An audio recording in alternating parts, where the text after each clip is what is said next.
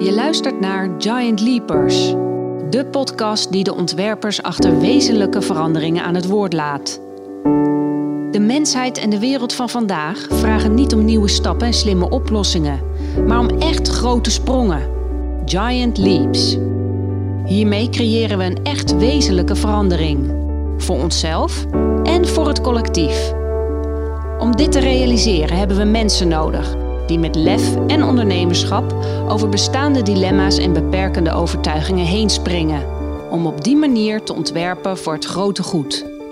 Maar wie zijn die vernieuwers die beschikken over de juiste dosis daadkracht en inzicht om oude bestaande systemen te doorbreken? Wat voor tegenwind komen ze onderweg tegen? En waar halen zij hun moed en inspiratie vandaan? In deze serie geven Jenny Elissen en Anna Stienstra nationale en internationale Giant Leapers een stem en een plek in het heelal om deze beweging een grote sprong voorwaarts te geven. Vanuit proeflokaal en wijnmakerij Chateau Amsterdam, Avinash Changa deze aflevering, welkom. Hi. Uh, oprichter en CEO van We Make VR. Uh, Avinash, wie ben je precies? Wauw, dat is nog even, even een binnenkomen zeg.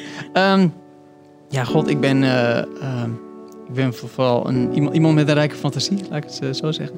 En, en met veel ambitie, maar, maar heel praktisch gezegd. Um, ik zit al mijn hele leven in de, in de audiovisuele hoek. Ik ben begonnen met filmfestivals en daarna via visual effects en digitale toepassingen in de ja, advertising, commerciële hoek terechtgekomen.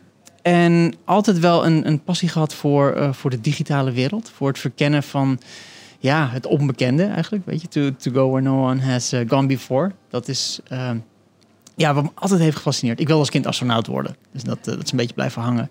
Maar vanuit die hoek ben ik dus uh, digitale dingen gaan maken. vroeger was dat natuurlijk commercials en, en, en, visual effects. Maar dat heeft zich uiteindelijk ehm, doorontwikkeld tot, tot een uitvinding. Een, een, aantal jaar geleden, dat was in 2000, 2012. Toen heb ik een van de eerste ja, um, uh, professionele virtual reality camera's uitgevonden. En dat heeft geleid tot, uh, tot het bedrijf We Make VR, waar, uh, waar we nu ja, bijna tien jaar later druk mee bezig zijn. En kun je uitleggen wat je precies met We Make VR doet? Wat is dat? We Make VR is een. Nee, ik denk dat, dat het belangrijkste wat we doen is dat we proberen um, mensen blij te maken, mensen een emotie mee te geven. dat klinkt misschien wat zweverig, maar een improvement van quality of life. En dat klinkt misschien dus, ja, wat ik zei, dat klinkt misschien wat zweverig. Maar waar ik in geloof is dat eens in zoveel tijd er nieuwe ontwikkelingen voorbij komen. die daadwerkelijk live as we know it uh, gaan beïnvloeden. En dan kan je terugkijken naar de tijd voor en na het internet. En de tijd voor en na uh, mobiele technologie ik denk dat het domein uh, immersive technologies, waar VR een uh, onderdeel van is, dat dat die volgende stap is. Dat dat dat volgende punt is waardoor heel veel dingen in, uh, in onze maatschappij um, verbeterd kunnen worden. Als we deze, deze kans goed aangrijpen, dat wel. Maar dat is dus waar we naar streven. Van hoe kunnen we mensen blij maken? Hoe kunnen we, en dat heeft heel veel vormen. Dat zit hem in entertainment, dat zit hem in educatie, dat zit hem in zorg dat kan je eigenlijk zo, zo, zo breed uh, insteken als je, als, je, als je wilt. Het is een beetje hetzelfde als internet. Weet je, waar gebruik je internet voor? Nou, vroeger dachten mensen aan e-mail. Tegenwoordig kan je het leven niet meer voorstellen zonder internet. Dat is hoe wij uh, immersive technologies zien. Als iets wat uh, de maatschappij gaat veranderen. Ja, daar gaan we het zo nog uitgebreid over hebben. Maar eerst, wat is dan jouw definitie van immersive technology? Immersive technologies zijn eigenlijk een verzamelnaam voor alle moderne of alle technologieën uh, en, en toepassingen die jou als individu naar een andere uh, beleving kunnen brengen, naar een andere wereld kunnen brengen. Die jou iets, uh, iets kunnen geven wat je ja, in sommige gevallen zelfs niet fysiek mee kan maken. Dus in, in de zin van um, immersive. Past ook, je kan het ook toepassen op theater. Je hebt theaterstukken waarbij je rondloopt door een gebouw en de acteurs zich om je heen bewegen. Dat is ook een immersive experience. En technologie die dat ondersteunt, uh, dat vormt dat domein. En dan heb je dus over artificial intelligence, je hebt het over virtual reality, 360 graden video, AR, Internet of Things en nog een heleboel dingen die niet uitgevonden zijn. En wat zag jij dan, of wat zie jij waarom jij dacht, ja, dit moet ik gaan doen? Nou ja, wat, wat ik daarnet al zei, ik wilde als kind um, astronaut worden. En uh, ja, weet je, dan ben je opnieuw ben je 12, 13, 14 jaar en dan kom je erachter van, goh, in, um, in, in mijn lifetime gaan we niet zo ver komen dat we uh, nieuwe civilizations gaan ontdekken. Dus, dus ja, dan laat je die droom maar een beetje gaan ergens. Maar dat idee, dat, dat, dat beeld van, maar wat nou als, dat is wel altijd blijven hangen. En nou, dan kijk je bijvoorbeeld naar, naar videogames. En in videogames word je ook meegenomen in een andere wereld. Je stapt daarin. Maar als kind heb je dan het idee, dan zit je met je, met je, met je, met je, met je oogbol bijna tegen je tv geplakt. Terwijl je zo'n game speelt. En dan denk je ergens van, maar wat nou als ik in die tv zou kunnen stappen? Wat nou als ik onderdeel van die wereld zou kunnen zijn? Of jezelf verliezen in een boek. En toen kwam de promise van uh, virtual reality. Uh, of die kwam niet toen. Dat, daar lezen we natuurlijk al decennia over in, uh, in boeken en in films. En dat is natuurlijk altijd uh, in het domein van fantasie. Het is natuurlijk altijd fictie. Toen die eerste VR-technologie kwam, kwam eigenlijk, zag ik zelf in ieder geval daar, daar een stapje in van: hé, hey, maar we gaan nu voorbij aan die fantasie. Wat nou als het nu echt kan? Ik kan dus nu met deze technologie. Uh, Oké, het, het, idee was van VR de promise van, uh, van gaming. Van je kan nu echt in zo'n game zitten. En dat is heel vaak geprobeerd. Maar toen ik voor het eerst zo'n headset op had, dacht ik van ja, maar dit is een videogame. Wat nou als dit echt zou kunnen zijn? Als dit niet te onderscheiden uh, is van de realiteit zoals je die elke dag meemaakt. En iedereen daarvan zei daarvan van ja, dat kan helemaal niet. Zover is de computertechnologie helemaal niet en displays zijn nog niet zo goed. En toen kwam ik op een idee. En dat heeft geleid tot, zo'n, tot die eerste VR-camera. En toen mensen dat voor het eerst opkregen, zag je echt letterlijk bij mensen een soort, soort lichtje aangaan. Van, oh wacht, hier hebben we wel over nagedacht en over gelezen. Maar dit, we dachten dat dit nog 30, 40, 50 jaar ging duren. Maar opeens is het hier. En toen we dat punt, dat, zeg maar, dat proof of concept hadden, was het voor mij eigenlijk wel duidelijk. Van, ik kan niet iets anders doen dan dit. Ik ben op deze wereld gezet om dit, uh, om dit waar te gaan maken. Wat zie jij dan in de samenleving waarom dit zo nodig is? Je hebt namelijk zelfs in een interview gezegd: immersive technology is cruciaal voor het voortbestaan van de mensheid. In heel veel opzichten wel. Dat, dat, dat geloof ik ook, ook echt wel hoor. We zitten natuurlijk nu in een tijd waar mensen uh, heel veel spanning hebben. Uh, zowel uh, op individueel niveau als landen die met elkaar overhoop liggen. Het is die eeuwige wedloop naar, naar, naar meer, meer materiële zaken, meer bejag, et cetera. En er is dus in die zin um, weinig begrip. Er is altijd een taalbarrière, er is altijd een cultuurbarrière. Maar om je een voorbeeld te geven, wat nou als jij door immersive technology opeens een dag in de schoenen kan rondlopen van iemand die een andere huiskleur heeft? Of iemand die in een hele andere economische uh, klasse leeft, of in een heel ander deel van de wereld. Je kan dat wel op, uh, op tv zien, je kan daar een documentaire over kijken, maar als je het zelf ervaart, verandert er iets dan raak je een, een, een emotionele snaar bij mensen. Dan gaan mensen daadwerkelijk uh, iets leren. Mensen gaan nieuwe herinneringen maken. En daar zit denk ik het cruciale verschil. Je kan met alle media die we nu hebben, film en boeken en, en, uh, en, uh, en andere digitale technologieën, kan je een plaatje zien, maar je ervaart het nooit alsof je het zelf hebt meegemaakt. En dat, dat is eigenlijk iets wat, wat al heel lang bekend is. Je kan ontzettend lang tegen iemand aankletsen. En dan komt een heel klein beetje komt binnen, een heel klein beetje blijft hangen. En als je in de schoolbanken zit, ben je gefocust. En dan blijft er misschien 10, 20 procent van de kennisoverdracht hangen. Maar op het moment dat jij zelf iets doet, zelf iets ervaart, dan ga je nieuwe herinneringen maken. En dan kan dat zich ook in gedrag omzetten. En dat is iets wat uh, bij, in onder, onder andere uh, bij, in onderzoek bij Stanford uh, naar voren is gekomen. Als mensen iets ervaren met, middels immersive technologies, wat op een goede manier gemaakt is, dan zie je dat het gedrag wat ze in die virtuele beleving hebben zich vertaalt naar gedrag in het echte leven. Dus dat ze bijvoorbeeld ingrijpen als ze uh, zien dat iemand lastig wordt gevallen, terwijl je anders voorbij zou lopen. En ik denk dat op het moment dat je dat soort dingen mogelijk kan maken, dat dat heel veel invloed gaat hebben. En dat dat ook wel iets is, een impuls is die we nodig hebben. En dit is maar een heel klein voorbeeldje hoor. Hier, hier zijn nog honderden andere voorbeelden voor. Mm. Maar dat is waarom ik denk dat het zo belangrijk is. Ja, ik vind het heel mooi wat je zegt, Avinash. Want uh, eigenlijk heeft dit heel veel te maken. We hebben elkaar in 2018 al eens een keer gesproken over dit onderwerp. En eigenlijk is dit dus kwantummechanica. Ja. Eigenlijk betekent het dus gewoon dat op het moment dat je erin stapt, dat je niet meer een observer bent, maar een participant, waardoor je ook direct eigenlijk je werkelijkheid verandert. Terwijl een observer doet dat niet. Ik geloof dat we het over iemand hadden die letterlijk van een rots afvalt, Mhm. terwijl die weet dat hij op een stoel zit. Ja.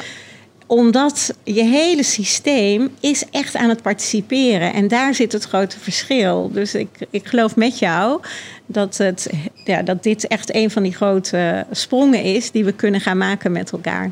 Dat denk ik ook wel. En, maar ik denk ook dat omdat het zo'n ontzettend eh, nieuw medium is, wat zo ontzettend snel in ontwikkeling is, dat het daardoor ook heel moeilijk is voor veel mensen en organisaties om daar grip op te krijgen. Om in te zien van, oh, dit gaat echt iets betekenen. Want we zien nu natuurlijk het, allereerste stukje ervan, dus we zien een glimp. En het is niet voor iedereen goed te zien wat dit over vijf of tien of vijftien jaar gaat, gaat betekenen. En vandaar ook die vergelijking met het internet. Destijds dachten mensen ook van, oh, dat, dat, is een, dat is een hype, dat gaat straks alweer over. Maar ja, ik denk niet dat dat, dat, dat zo is. Of nog sterker, Nee. ik, ik weet dat het niet zo is. Je ziet het al gebeuren in, eh, in, in de maatschappij. En zoals je net, net al heel goed aangeeft, eh, Jenny.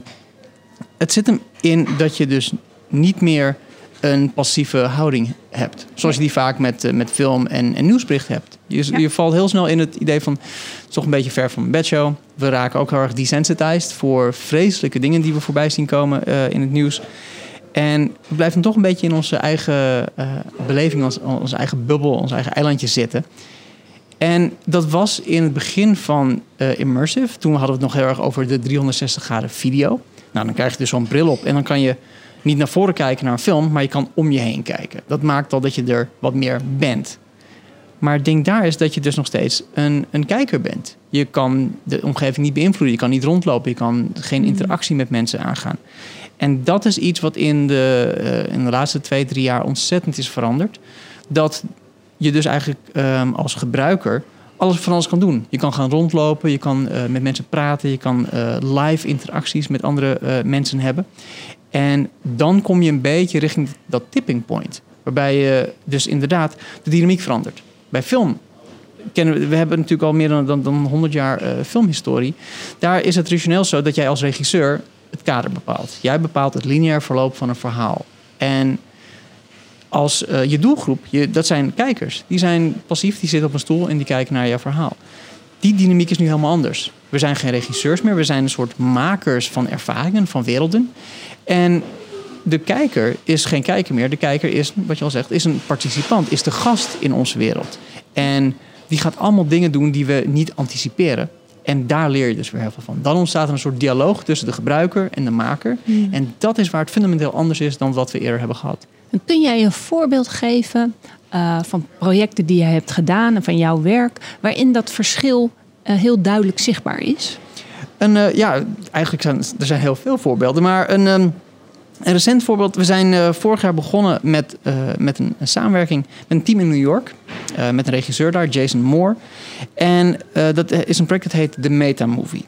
En de Meta Movie is eigenlijk een, een, een, een, ongoing experiment in real-time social VR, om het maar zo te noemen. Wat dat betekent is dat mensen van over de hele wereld zo'n VR-bril opdoen. En die zitten dan in een virtuele wereld die, die gemaakt is. Deze mensen zijn acteurs. Die, eh, die spelen een personage in deze wereld. Maar er zijn andere mensen, zoals jij, die zetten zo'n bril op en die kopen een kaartje. En die kopen een kaartje omdat ze dan met het kaartje even de held in, in deze, deze speelfilm kunnen zijn. Wat gebeurt er? Vanaf elke plek in de wereld kan iemand dus inloggen, kan in zo'n eh, wereld stappen en kan met ja, bijna volledige vrijheid zich door die wereld bewegen. En alle eh, interactie met die wereld is dus live, is real-time. Het zijn geen computergestuurde figuren meer, het zijn echte mensen die op andere plekken zitten. En dat maakt dus dat, omdat het in elke show onbekend is wat deze speler, wat deze gebruiker gaat doen, dat er moet worden geïmproviseerd, dat er toch een regie is die je probeert eh, aan te houden om een soort lineair verhaal ook wel ergens mee te geven aan, eh, aan de gebruiker. Maar je merkt dat als mensen dit ervaren, ze opeens zien hoe beperkt een speelfilm is. Als je zelf de held kan zijn en zelf de hele wereld kan beïnvloeden, ja, dan, dan verandert er iets en dan gebeurt er iets heel magisch. En dit, dit, dit project specifiek is dan wat meer op entertainment gericht. We doen dit bijvoorbeeld ook op eh, educatie. We hebben een project, eh, dat, is een, dat heet dan een eh, multiplayer VR-ervaring. Ehm, VR wordt vaak gezien als een, soort isolated medium. Jij doet die bril op, je bent helemaal afgesloten van de wereld om je heen. Dus je zit er maar in je eentje. En dat is niet zo. VR kan juist heel sociaal zijn. Nou, wat hebben we gedaan? We hebben een, een, een, een VR-ervaring gemaakt waarin drie jongeren van 11 tot 14 jaar, jongens en meiden van over de hele wereld, zo'n bril op krijgen. En die krijgen um, met z'n drieën de missie om terug in de tijd te gaan en de workshop van Leonardo da Vinci te bezoeken. En in die workshop komen ze in een soort escape room terecht. Die ze met z'n drieën, door samen te werken, uh, ongeacht de taalbarrières en de geografische barrières, uh, dat toch op te lossen. En wat ze daar dan in leren, um, is wat één persoon, die heel veel passie had, Da Vinci, um, een naam heeft gemaakt in de wereld van kunst, van architectuur, van, van engineering, totaal op zijn kop heeft gezet. En wat we hierin meegeven aan deze jongeren is dat ze dus uh, meekrijgen van als jij je carrièrekeuze, je opleidingskeuze niet laat sturen door wat je ouders willen of door wat je denkt dat straks een goede baan gaat zijn, maar door wat je passie is, um, dat je de wereld kan veranderen. Dat je, dat je, als je maar trouw blijft aan jezelf, dat je bergen kan verzetten. En een voorbeeld hiervan is dat bijvoorbeeld meiden doorheen gaan en leren hoe een, hoe een lensslijper of, of, of een kogelager werkt. En daaruit komen en snappen van, oh wacht, ik begrijp hoe dat werkt. Dus ik vind opeens het hele stemdomein veel interessanter dan daarvoor. Het is echt een project dat gaat over empowerment van jongeren. En de resultaten die we daarmee zien, dat haal je gewoon niet met een ander medium. Dat haal je niet met een leuke gastspreker in de klas of met, uh, met, met gamification. Zo'n ervaring als dit, dat dialoog wat die, wat die drie kids samen hebben, dat maakt dat ze elkaar gaan inspireren. En dat maakt dat ze hun eigen ja, uh, belemmeringen, hun eigen beperkingen die ze zich opleggen, of die de school zich opleggen hun ouders, dat ze die weg kunnen zetten. En dat ze daar een stapje verder in gaan. En waarom heeft de wereld of de mensheid dit nodig? Ik denk dat wij als maatschappij altijd um, als mensen uh, op zoek zijn naar betere manieren om elkaar te begrijpen. Betere manieren om te communiceren. En dat is iets dat doen we eigenlijk al sinds de dawn of man. Je, vroeger deden we dat met, met rotstekeningen om maar iets van kennis over te dragen. Nou ja, dat heeft zich doorontwikkeld naar, uh, naar, naar, naar taal, naar gesproken taal, naar orale overdracht van verhalen om een kampvuur heen. En uiteindelijk is het schrift ontstaan en boekdrukkunst en film en fotografie en film. En steeds zijn we op zoek naar een betere manier om wat we ervaren, wat we mee te maken, vast te leggen. En dat overdragen. Als jij iets meemaakt waar je heel blij van wordt of waar je heel verdrietig van wordt, het eerste wat je doet is dat delen met, uh, met je naasten, met je geliefden, met je vrienden of je familie. En tegenwoordig doen we dat door. We hebben allemaal een smartphone. We maken overal te pas en oppas een fotootje en een filmpje van. En we delen het op social media, noem maar op. Dat is een inherente menselijke instinctieve behoefte. We willen dat, dat delen. We hebben nu met deze technologie een volgende stap daarin gemaakt. Er is nooit in de geschiedenis een, een, een beter medium geweest om wat jij ervaart, wat jij voelt, wat jij denkt, vast te leggen, te, in een vorm te gieten en dat op schaal te delen met mensen. En dat is waarom we dit nodig hebben als maatschappij. Wat ik heel mooi vind, is dat je als je zegt waarom heeft de wereld het nodig, dan heeft dat ook naar mijn idee heel erg te maken met het feit dat we tot op heden alleen maar dus die, die vermaterialisering van elementen hebben gebruikt. Terwijl het grappige is, wat je natuurlijk eigenlijk hier altijd doet, is sowieso een, een, een beroep doen op de fantasie van mensen. Omdat hoe je die ervaring in die vloeibare wereld hebt, is natuurlijk ook daardoor ben je eigenlijk altijd co-creator. En dat, dat, of dat gaat weer terug naar dat participant. Maar wat ik zo prachtig vind, is dat die. Um, uh, in die educatiekant is dus heel veel te doen. Maar ik weet dat je ook projecten in de zorg gedaan hebt, ja. bijvoorbeeld. Hè? Uh, ben je daar nog uh, verder gekomen? Hebben een project gedaan met een, een, organisatie en dat ging over cliënten die last hebben van dementie. En dat is natuurlijk een heel lastig onderwerp. Stel je werkt in de zorg en je hebt te maken met, met cliënten die bijvoorbeeld ja, moeilijk kunnen communiceren. Nou, je, je, zet de lunchtafel op en je zet een, een, bordje, een lunchbordje voor iemand neer en iemand eet niet. Nou, wat zien we, wat zagen we in het verleden? Dat zorgwerkers na een tijdje denken van nou, uh, deze meneer of mevrouw heeft geen honger, ze halen het bord weg en het moment gaat voorbij. Terwijl wat we niet weten, is wat diegene voelt. Voor hetzelfde geld heeft diegene enorm honger, maar herkent het bord en het eten niet als dusdanig. En waarom komt dat? Doordat er misschien uh, lawaai is, doordat het misschien te druk is, doordat het misschien te, te, te koud of te warm Andere is. Andere mensen aan tafel zitten. Precies, het Ja. kan van alles zijn.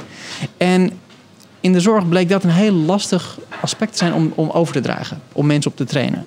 Dus wat nou als je dit in VR doet? Nou, dat hebben we gedaan. Konden dus eh, nieuwe zorgmedewerkers konden dan zo'n VR-bril opdoen en konden dus ervaren wat het is om last te hebben van dementie. Doordat en bepaalde geluiden konden dan harder worden of bepaalde objecten die voor je stond kon je niet herkennen als dusdanig. En door letterlijk in die beleving te zitten, kon dus de kwaliteit van zorg daarin uh, verbeterd worden. En dat was wel iets wat, um, wat waar, ik heel erg in geloof in dat soort toepassingen. We hadden ook wel gehoopt dat na zo'n eerste pilot dit meer tractie zou krijgen. Uiteindelijk bleek dat dus toch niet het geval te zijn, omdat er heel veel uh, ja, onwennigheid is. Uh, er is heel veel weerstand. En dat is natuurlijk normaal. Weet je, als mens, het is ons mens eigen dat je wat weerstand, natuurlijke weerstand hebt tegen dingen die, die nieuw en onbekend zijn. Maar tegelijkertijd, op het moment dat je dus de commerciële kant even opzij zet en vooral de kwaliteit van leven en, uh, voorop stelt, dan denk ik dat het als zorgorganisatie je plicht is om alles aan te grijpen wat maar een positieve invloed daarop zou, zou kunnen hebben. Ja. De, en dat kan ik wel, wel vinden en willen en denken, hmm. maar de praktijk is toch anders. Want er is ja. toch vaak in zorgorganisaties een, uh, een, een, een zakelijke bottom line. En dat maakt het lastig. Maar zou het zo kunnen zijn Kijk, financiering van dit, dat is natuurlijk überhaupt altijd een groot probleem. Hè? Dus op het moment dat de organisaties een sprong in een andere. dan begint het altijd met een hoop problemen. Omdat mensen nou eenmaal gewend zijn hun geld op een bepaalde manier uit te geven. Ja. Dus wij hebben het ook in de vorige sessie met Bob al uh, gehad over als je die maatschappijen wilt veranderen, heb je eigenlijk ook brugkapitaal nodig. Want je moet altijd over een soort brug heen en die moet ook gefinancierd worden. Zie jij dat daar al iets meer ruimte komt? Of is dat toch nog steeds een hele lastige? Dat, dat die zeg maar, externe bronnen om dit te financieren, heb je daar al iets meer ruimte in gevoeld de laatste tijd? Er, er gebeurt wel wat, um, maar met met eigenlijk, eigenlijk elke um, emerging sector heb je een aantal dingen. Je hebt natuurlijk uh, uh, te maken met adoptie, massa-adoptie. Er moet een markt zijn, wil het zinnig zijn om daar, uh, daar geld naartoe te brengen. Je hebt een aantal pioniers nodig. Je, hebt, je, je, hebt mensen nodig die in die bres willen springen. En daar komt het brugkapitaal aan kijken. Maar wat daar wel in gebeurt, is dat er grote organisaties zijn die op dit moment gewoon zien van... oh, als wij die VR-technologie gaan gebruiken... gaan we gewoon letterlijk uh, vanaf dag 1 of kwartaal 1 kosten besparen. Dat hebben we gezien met Johnson Johnson en Nestlé en, en Walmart. Die gebruiken dan VR om hun personeel sneller te trainen en efficiënter te trainen. Dat bespaart ze letterlijk tientallen miljoenen per jaar. Nou, dan verandert er iets. Maar dan heb je dus wel een organisatie nodig die dusdanig groot is dat je meteen die schaal kan maken. Ja. Aan de flipside daarvan hebben we natuurlijk consumentenadoptie. En daar gebeurt heel veel. Je mm. ziet dus nu dat um, in het afgelopen jaar de prijs van headsets heel erg gezakt is. Je kan nu voor minder dan een, een smartphone, nou, een fractie daarvan, kan je al een volwaardige VR-headset kopen. En dan heb je het over 250, 300 euro. En dat maakt dat, uh, in combinatie ook met de pandemic die we, die, die we nu meemaken, dat uh, consumenten meer van die VR-headset gaan, gaan kopen dan ooit tevoren. Dus dat heeft wel een, voor een uh, ja, accelererende factor gezorgd. En nu begint, begint er iets. Nu zien grote organisaties van hé, hey, er zitten dagelijks echt heel veel mensen in deze virtuele werelden. Daar moeten we ook iets mee. We weten nog niet, niet zo goed wat, maar we willen er iets mee. Hmm. En dan komen natuurlijk de commerciële dingen om de hoek kijken. De, de grote uh, muzieklabels die zeggen... oh, we moeten virtuele concerten gaan doen... want we kunnen geen kaartjes meer verkopen. Hmm. Virtueel theater. Hmm. Tuurlijk, is allemaal waar. En er, je hebt natuurlijk altijd te maken met een bepaalde uh, mate van uh, opportunisme. en dat is prima, dat als daar de markt mee gaat groeien en in beweging komt, hartstikke goed. Maar om die lange termijn beweging in te zetten, moet je verder gaan dan alleen maar sport, muziek en entertainment. Dan heb je ja, levensverbeterende, quality of life verbeterende toepassingen nodig. En ik denk dat, en dat is wel iets wat we nu wel zien, is dat dat kwartje langzaam een beetje duidelijk uh, begint, begint uh, te vallen bij uh, ook de overheden. Hmm. Nu gaat het in Nederland nog niet zo heel hard, maar als we kijken naar, naar Azië bijvoorbeeld, ja. um, daar, daar gaat het harder dan, dan waar dan ook ter wereld. Nee. En dat is niet alleen maar om omwille van eh, technologie en pionieren, Hmm. maar omdat ze zien dat de, de toepassingen waardevol zijn. Hmm. En die veelheid die nu gezien is, zit dat nog steeds een beetje in gamen? Avinash, waar, die, waar mensen zeg maar die sets voor kopen? Er wordt heel veel gegamed. Als in, dat is zeker wel eh, iets wat in bepaalde sectoren tot, eh, tot die early adopters en nu eigenlijk die early majority leidt. Want daar, daar worden nu gewoon eh, door developers tientallen miljoenen verdiend. En dan hebben we het nog steeds wel over de grote studio's, niet over de indie developers. Dan heb je de, de enterprise market. Eh, en dus de, de, de, de Walmarts en de Johnson Johnsons. En die rollen eh, tienduizenden van die headsets in hun, hun organisaties uit. En dat zijn hele andere toepassingen. Dat zijn echt simulaties, trainingssimulaties in die zin. En dat zijn twee, twee segmenten die allebei zeg maar, op gamingtechnologie eh werken. Ze werken allemaal op wat dan heet real-time engines, Ja. waar je virtuele werelden in kan maken. Maar daar, daar lopen eh, mensen een beetje tegenaan van ja, je hebt wel die waanzinnige interactie van een game environment, maar je hebt niet het realisme van iets wat gefilmd is. En dat is waar nu ehm, die, die stap in wordt gezet. Dat je een soort hybride gaat zien tussen interactie en dingen die, die heel erg realistisch zijn. En dan merk je dus dat eh, kennisoverdracht, leerervaringen, emotionele ervaringen eh, sterker overkomen. Ja. Dat, dat begint nu naar documentaires eh, een beetje over te slaan. Er is vorig jaar een documentaire gemaakt, het heet The March. En het gaat over de Million Man March. En opeens kan je dus in die mars meelopen. Je kan eh, Martin Luther King zie, voor je zien staan terwijl hij aan het, aan het speechen is. En de grap is dat dat dus niet meer van de, de experimentele indie developers komt. Dit komt van Time, dit komt van Digital Domain, eh, die ook aan Avengers Endgame en dat soort eh, producties werken. En de grap is, dat wordt omarmd. Deze bedrijven komen in, in Azië in, op conferences te staan. Ik, ik zat vorig jaar in een virtuele conference in Taipei. En daar zit ik in panels en, en interviews met allemaal van dat soort mensen. Maar in Europa Is, nog is het echt eh, crickets. Ik snap het. Het, het is een beetje kort de bocht. Er gebeurt best veel hier hoor. Maar eh, daar zie je wel van er gebeurt veel in de wereld. Maar daar mogen we echt wel hier wat meer gas geven. En waar komt dat door? Wat zie jij wat anderen niet zien? Nou ja, als ik dan kijk naar onze lokale markt in Nederland. Kijk, eh, Nederlanders zijn heel- natuurlijk heel nuchter. En weet je, we kijken altijd een beetje de kat uit de boom. Tot die erbij gaan dood uitvalt. Maar, ehm, maar dat, dat is natuurlijk eh, een beetje in, de aard, eh, in, in onze aard. Ik zie wel dat, dat daar, dat, dat als we de- dat eenmaal inzien, als je hier als gebruiker eenmaal inziet van hé, hey, dit is waardevol, ehm, dan slaat het om. Dan gaan we er wel helemaal voor. Maar wat ik daarin zie en wat partijen in het buitenland daarin zien, is eh, gewoon de, het onderzoek, de, de, de daadwerkelijke data. Als je nu kijkt naar gebruikersdata, als je kijkt wat er gebeurt met eh, leerresultaat, met, met eh, behavioral studies en dat soort dingen, dan ontkom je er niet aan. Dan is het heel duidelijk dat deze beweging in gang is gezet. Dat soort onderzoek wordt in Nederland nog maar relatief weinig gedaan. Eh, daarnaast wordt, ehm, wordt ook veel van, van dit soort innovatie ge- geïnitieerd vanuit bijvoorbeeld de kunst- en cultuurhoek. Nou, de kunst- en cultuurhoek staat in Nederland natuurlijk enorm onder druk. Het is heel moeilijk om hier eh, om, om, om als, als Nederlandse maker het soort funding te krijgen als wat je bijvoorbeeld in de UK of in, in Frankrijk ziet. Hier, als je hier bijvoorbeeld als eh, filmmaker eh, zegt van hé, hey, ik zou iets, ik, ik wil het immersive domein gaan verkennen. En ik wil kijken waarom. Ik wil zelf ontdekken of ik dat licht ga zien. Ik bedoel, want ik als ondernemer en vanuit WeMakeVR, ik zie dat, maar als dat, dat zegt niet zoveel. Als individuele makers dat gaan zien, eh, dan verandert er wel. Dan breng je iets in beweging. Maar die mensen moeten die kans krijgen. Dan probeer je hier een funding aan te vragen. En nou ja, dan mag je blij zijn als je 25.000 euro krijgt om iets te maken. Dan kan je in dit domein echt heel weinig mee doen.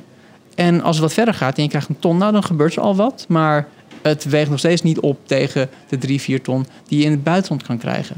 En dat maakt dus dat de mensen die willen, ehm, net, op dit moment net iets te weinig kansen krijgen om die visies eh, waar te maken. En om, de, om die ontdekkingsreis eh, te gaan maken. Dat verandert wel. En daar, wat, wat jij al zei, Jenny, wat, wat gebeurt er nu? We zien dat organisaties als het, het Filmfonds en het Stimuleringsfonds daar heel hard mee bezig zijn. En proberen meer aandacht te krijgen voor dit domein. Eh, ik zit ook in wat dan heet de, de, de NAPA. Een organisatie van eh, de Nederlandse audio- audiovisuele producenten. En vanuit die entiteit gaan we ook dat soort gesprekken aan. Proberen we ook eh, de overheid van kennis en advies te voorzien. Maar het gaat langzaam. En dat is waar de intentie er wel is. Maar als we niet sneller gaan, dan wordt het dus heel moeilijk voor voor mensen om, om ook dat licht te gaan zien. En dan heb je het risico dat sommige potentiële makers, dat sommige nieuw talent naar het buitenland gaan.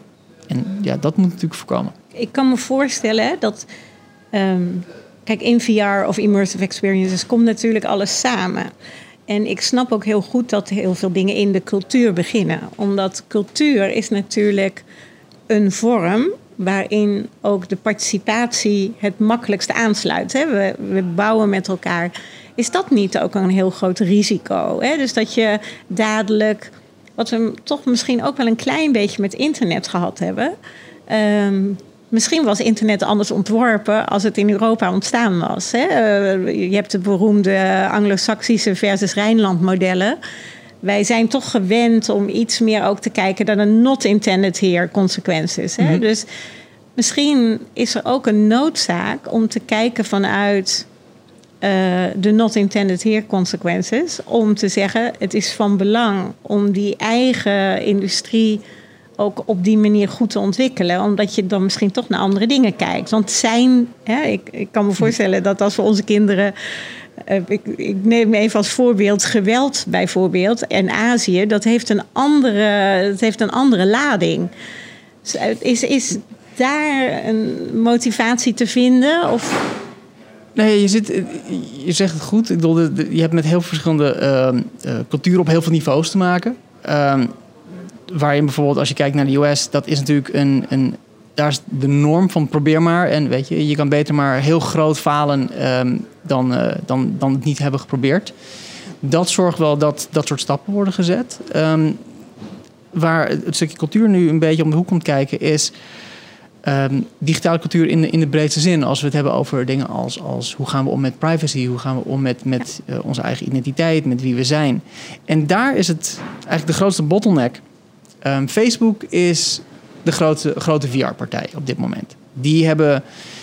Toen Facebook het bedrijf Oculus kocht, die die VR-brillen maakte, was er echt een, een, een hele grote weerstand in de developer community. Dat is natuurlijk een cultuur van, van indie developers, van alles zelf doen en je doet het samen, je creëert samen iets.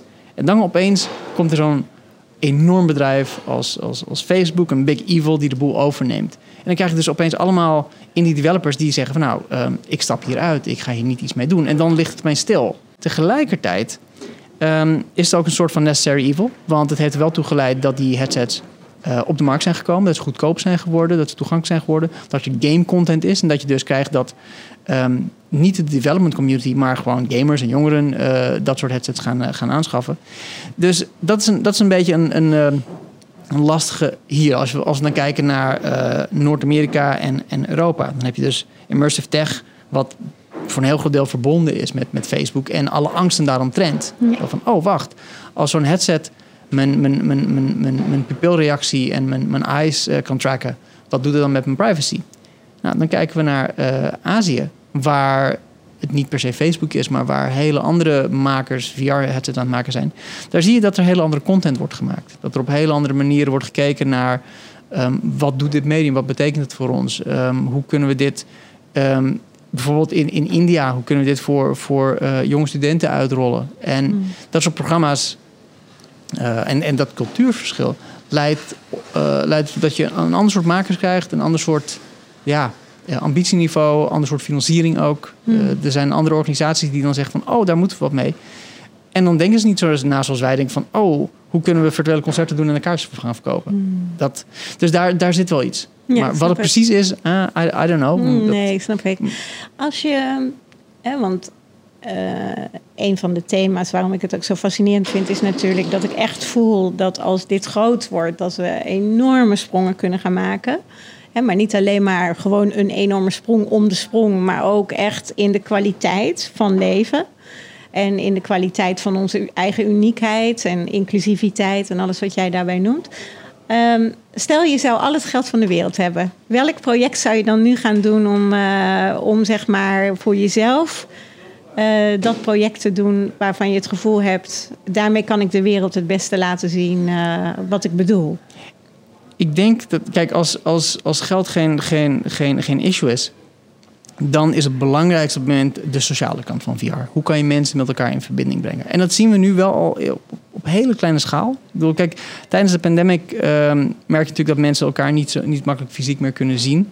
Ehm, elkaar niet kunnen opzoeken. Dus ik heb mijn vriendin een, eh, toen een VR-headset eh, gegeven. En eh, we konden elkaar niet fysiek zien, maar we, konden elkaar, we zagen elkaar in VR. En we konden daar eh, spelletjes in doen. Gewoon, weet je, je zit virtueel op de bank en je doet, gewoon een stom bordspelletje samen. Wat daarin gebeurde was, eh, ja, dan ben je een uur, twee uur ben ben je aan, het bijkletsen en dan gaat die headset af. En wat zij dan, eh, wat zij me vertelde, was dat ze dan op, meteen een gevoel ge- van, van gemis had. Van, oh wacht, opeens ben je er niet meer. Wat jammer is, maar tegelijkertijd zegt dat wel dat op het moment dat je dus wel in VR bent, dat je dus wel een, een, een eh, betekenisvolle connectie maakt. En dat moeten we schaalbaar maken. Daarvan moeten we zorgen van dat je wil dat mensen van over de hele wereld op die manier met elkaar kunnen verbinden. En dat heeft natuurlijk een, een, een boel haken en ogen. Eh, enerzijds heb je ook gewoon de praktische kennis en technologiedrempels. Anderzijds heb je ook van hoe ga je dat soort werelden zo creëren eh, dat ze gezond blijven. En dat je niet eh, de toxic social environments krijgt. Dat, eh, weet je, de, alle ideeën, conce- concepten van het, het online bullying, daar zijn we natuurlijk mee bekend. Er is natuurlijk. ehm, er zijn, heel veel, er zijn oudere mensen die, die het allemaal ingewikkeld vinden. Dus dan is het niet zozeer van, ja, ze moeten het maar leren. Nee, de technologie moet beter worden. De interfaces moeten beter worden. De menselijke factor moet meer vertegenwoordigd worden in dit soort tech. En dat is waar het vaak misgaat. Dat mensen zich blind staren op de hardware en de software en, en de technologie. Terwijl die dingen, als je het goed doet, zou alle technologie eigenlijk onzichtbaar moeten zijn voor de gebruiker. En zou het zo intuïtief moeten zijn als dat je gewoon, zoals wij nu tegen, bij elkaar aan tafel zitten. Als geld geen issue is, dan is dat hetgene waarin ik zou investeren. Mooi. Wat wordt de eerstvolgende stap of het eerstvolgende project waar jij mee eh, aan de slag gaat? Ja, we zijn net begonnen met iets wat echt heel spannend is en ook wel, wel uniek in Nederland. We zijn eh, gepartnerd met een eh, hele talentvolle jonge regisseur, eh, Robin Koops. Dat is een multitalented maker. En samen met hem zijn we begonnen aan een hybride opera VR-voorstelling. Als in, mensen gaan naar een fysieke opera, maar krijgen tijdens een deel van de voorstelling een, een, een VR-headset op. Of een deel van het publiek. En een ander deel van het publiek niet. En zo creëren we verschillende laagjes werkelijkheid in één kunstvorm. Wat in de theater gaat komen. En klinkt heel, heel abstract en vreemd. Maar we hebben dit ge- gedeeld met eh, eh, Nationale Opera en Ballet. En die zagen dit en die dachten, hé, hey, dat is gaaf. En eh, de Nederlandse Reisopera en Opera Zuid, die zagen het ook. En opeens hadden ze zoiets van, dit is iets wat we als Nederland, als cultuursector moeten gaan doen. Dit is wat wij als instituten moeten gaan omarmen. Want dit is nog niet, niet eerder gedaan. Dit gaat virtual reality naar een groter publiek brengen. Naar een publiek wat, wat, wat niet gamend is. Wat niet per se iets heeft met technologie. Maar waar we ze wel iets mee gaan laten ervaren wat niet eerder mogelijk was. En dat was echt voor mij als maker, als VR-maker, een eye-opener. Dat dit soort gevestigde instituten opeens het licht zien. En zeggen van dit willen we gaan doen. Dus ja, die opera die komt, eh, gaat volgend jaar februari 2022 gaat het in première. In de grootste zalen in, in Nederland. En dat is zo onwijs rete spannend. Ik krijg er meteen kippenvel van. Eh, maar dat is een spannend spreken waar we nu mee bezig zijn. Eh, als laatste vraag vragen we aan alle gasten in onze podcast. Wie verdient een podium? Wie zou jij graag willen horen in deze podcast? Oh, wauw. Ehm, dat is, ja, kijk, dan ga ik meteen denken aan, aan, aan eh, een, een Elon Musk. Die zou ik heel graag eh, eh, willen Kunnen proberen hoor. Maar nee, en zo, en zo zijn er nog wel een, een aantal hele bijzondere mensen. Maar dat zijn doorgaans mensen in het buitenland. Ehm, er zijn ook mensen in, in, in Nederland die wel een podium verdienen. Maar daar moet ik wel even over nadenken.